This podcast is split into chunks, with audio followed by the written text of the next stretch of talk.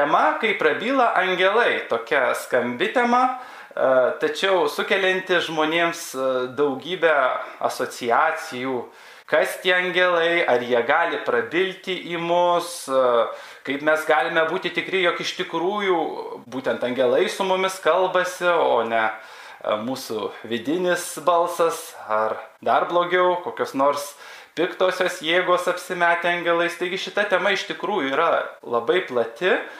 Na ir pakalbėkime tada visų pirma apie tą požiūrio tašką.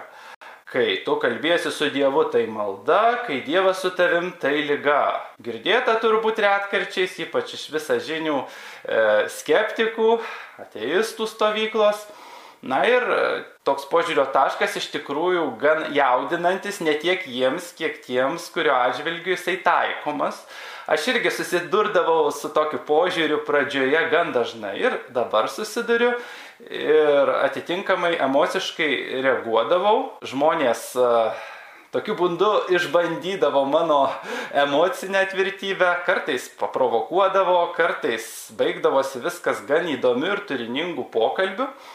Tačiau e, pasitaręs su savo angelais, sakykime taip, gavau aiškę žinę, jog tokia pozicija, gan griežta, radikali pozicija e, dvasingumo atžvilgių nėra iš tikrųjų bloga. Tai yra tiesiog žmogaus gyvenimiškas patyrimas, jo pasaulyje žiūra, dažniausiai jau subrandinta gyvenimo ir prieštarauti, ginčytis dažnai netgi neverta, nes tokiu būdu prarandame tiek savo jėgas, tiek ir pašnekovo, kuris tikrai nepakeis savo nuomonės, tiesiog turės progą išlieti kartais emocijas, pyktį, kartais parodyti, koks jisai apsiskaitęs, protingas ar, kaip jaunimas sako, kietas. Iš tikrųjų, dvasingų žmonių pozicija nėra siekis įtikinti kitus savo teisumu, įrodyti savo dvasingumą ar galimybės, e, savybės e, tam tikras. Angelai skatina laikytis tolerancijos šiuo atžvilgiu ir leisti kitam būti tokiam, koks jis yra. Galbūt palinkėti mintise, kad jis dvasinės prasmės paieškų kelyje pats atrastų tasai žmogus e, kelią į tiesą. Mūsų, kaip šios erdvės e, bičiulių, lankytojų pareiga nėra skleisti konkrečią žinią ir evangelizuoti e, kitų namiškių, e, lankytojų. Kitaip tariant, e, mes neturime pareigos ginti šitą vietą arba mano pozicija, Povilo arba mūsų pozicija. Iš tikrųjų esame atleisti nuo šito sunkaus išbandymo, kurį turi tam tikros bažnyčios eiti ir skelbti žodį ir susidurti su visais sunkumais, su visais išbandymais, mes galime visą tai perkelti į vidinį planą ir tą kovą tą dvasinę kovą pavesti kiekvienam asmeniškai. Na ir Dievo planai. Kita tema. Mes esame nežmogiškosios būtybės patiriančios dvasinę egzistenciją, mes esame dvasinės būtybės patiriančios žmogišką egzistenciją. Tai tarsi priešingas uh, tam požiūriui, kurį aptarėme planas. Ir jis turi tikrai daug prasmės, nes kai žmogus uh, save pozicionuoja kaip kūną, kuris turi dvasinį pradą, jis labiau elgesi instinktyviai, impulsyviai, o kai suvokia ar meditacijos metu išgyvena, kad jis yra dvasinė esybė, trumpam šimtui metų turinti šį kūną, e, dinksta tam tikros baimės, tam tikri sunkumai ir gyvenime tampa lengviau įveikti ir pasipriešinimus ir dvasiškai aukti, tobulėti. Dėl to tas e, mūsų gyvenimo e, laikinumas yra kaip tik e, didelis pliusas, šiuo atveju suvokiant, kiek nedaug laiko turime nu, nuveikti dideliem darbam. Ir susitelkime iš tiesų į tai, kas mums svarbiausia, mūsų dvasiniai raidai, na ir kitiem padėkime. Angelai su mumis ir tarp mūsų, kaip atpažinti angelą. Čia iš tikrųjų galiu pasidalinti ir savo patirtimi.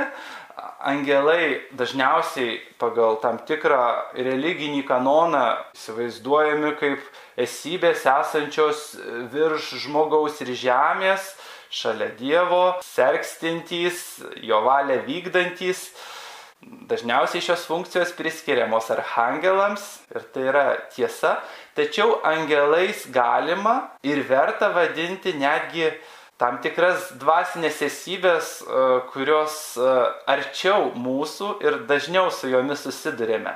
Angelais gali tapti e, gerą, šviesų gyvenimą nugyvenę sielos šioje žemėje, kurios pasilieka tam, kad padėtų ir kitiems savo pavyzdžio angelais, gali tapti netgi mūsų iškeliavę, mirę artimieji ir apie tai esu gavęs liudijimų, kad po skaudžios netekties vaikų, paskui tėvai e, jaučia globą ir pagalbą tų angelėlių ir net sėkmė juos lydi e, įvairiose srityse.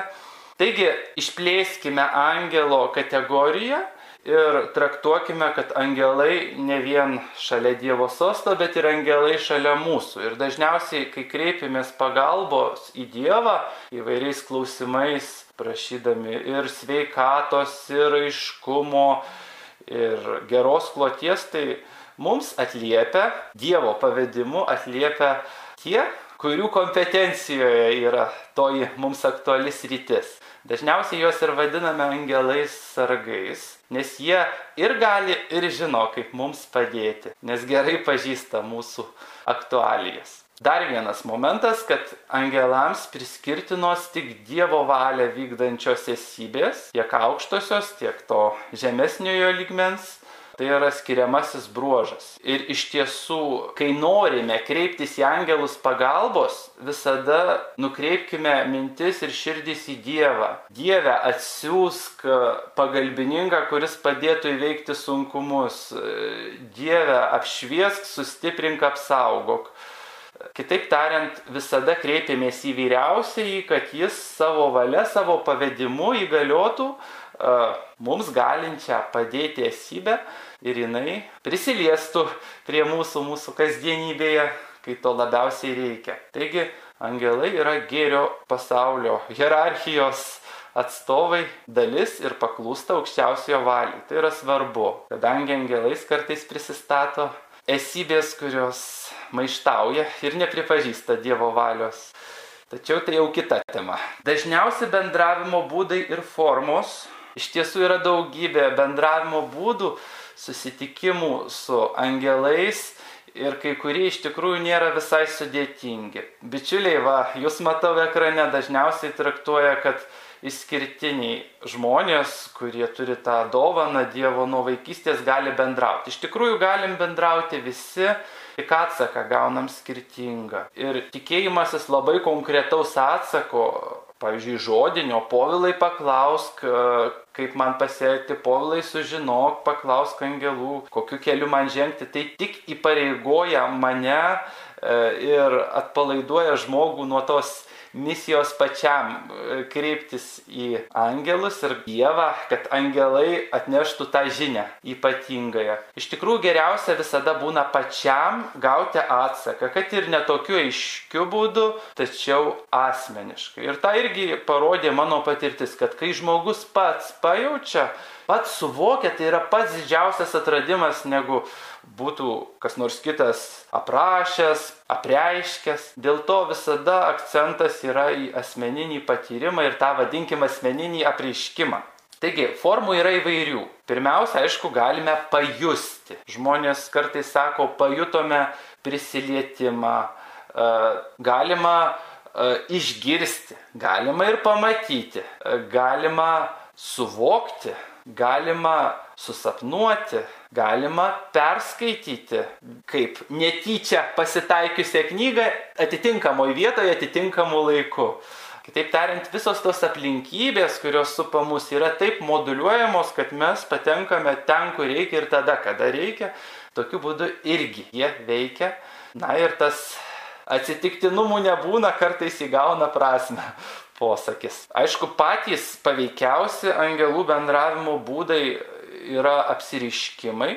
Jie vyksta ypač retai, aš irgi esu uždavęs klausimų, kodėl taip retai, o iš tikrųjų retai prisipažįsta ir jie, kad tai nėra taip paprasta, retai, kad e, jų poveikis toks didelis, jog išlieka daugybę metų ir po to toje erdvėje ir laike, kuriame įvyko ir nebūtina kartotis, dėl to turime šventasias krikščioniškasias vietas, Lurdas, Fatima, Madžiagorija, turim aišku ir kitose religijose šventviečių, kur tik pavieniai sudalyvavo tame įvykyje, dažniausiai jautriausi ir atviriausi, tai yra vaikai, o kitiems tenka liudyti per savo patirtį, kad ypatinga vieta, ypatinga šventovė, nes ten jaučiu ryšį, ryšį su aukščiausiu. Taigi tiek Dievas, tiek angelai apsireiškia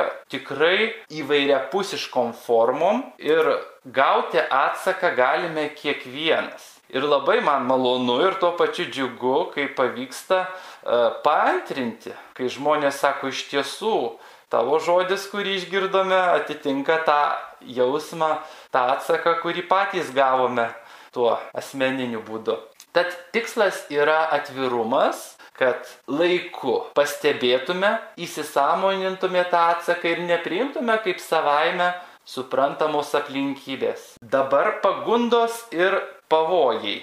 Irgi labai aktuali tema, kuri neramina ne vieną, tiek iš vadinamųjų skeptikų stovyklos, tiek netgi iš uolių tikinčiųjų stovyklos, kuriems uh, dvasininkyje dažnai primena, jog turite būti atsargus, nes ne viskas auksas, kas auksų blizga, ne visi angelai, kurie angelais prisistato. Ir manasis dieviškasis šaltinis tikrai tam pritarė, kad pagundų ir pavojų e, bendravimo su angelais rytį tikrai yra ir jų gali patirti net ir labai daug ko matę, jautrus angelistai Na ir budrumą reikia išlaikyti visiems ir visada. Dabar kokių pavojų gali būti, tai iš tikrųjų kuo įvairiausių, nes daug kas priklauso nuo žmogaus dvasinio lygmens, vadinkim taip, gal net ne lygmens, nes lygmo suteikia tam tikrą subordinaciją, nuo dvasinės momentinės būsenos netgi. Ir dėl to geriausia apsauga nuo blogio plačiaja prasme yra vidinės būsenos palaikymas ir korekcija. Kitaip tariant, mūsų angelai atitinka tuometinį mūsų pasiruošimo lygį. Mūsų angelai, kurie atliepia į mūsų mintis, prašymus, maldas atitinka mūsų pasiruošimą. Taip abstrakčiai pasakiau, bet iš tikrųjų irgi esu susidūręs su tuo, jog žmonės liudijo, kai jie buvo, na, iš tikrųjų konkurencingi, pikti, vienas toks elitiškis pasakojo, versle dalyvavo, tai jiems tikrai talkindavo dvasinės esybės, padėdavo net su konkurentais susidoroti, problemas spręsti ir jisai manydavo, kad tai yra jo pagalbininkai angelai. Bet kai tasai žmogus pradėjo medituoti, pradėjo melstis, iš pradžių iš maldaknygių, paskui iš širdies, tie angelai labai greitai tapo uh, kliūtimi. Netgi pradėjo tam žmogui kliudyti, uh, jo kasdienybėje pradėjo staiga namuose keisti dalykai dėti, sapnai sapnuotis. O kai tas žmogus tapo pakankamai stipriu, nes nusprendė įsivaduoti iš tos įtakos, suvokęs, jog ji tikrai nėra iš Dievo, tai pradėjo kipti net prie namiškių. Ir būdavo sakė, kad ir dukra, kuri jau paauglė būdavo į lovą pas tėvus atbėgdavo, sakydama, tėvelis sapnuoju keistą sapną kažkas mane apkabina ir sako, dabar būsiu su tavim, o ne su tavo tėčiu.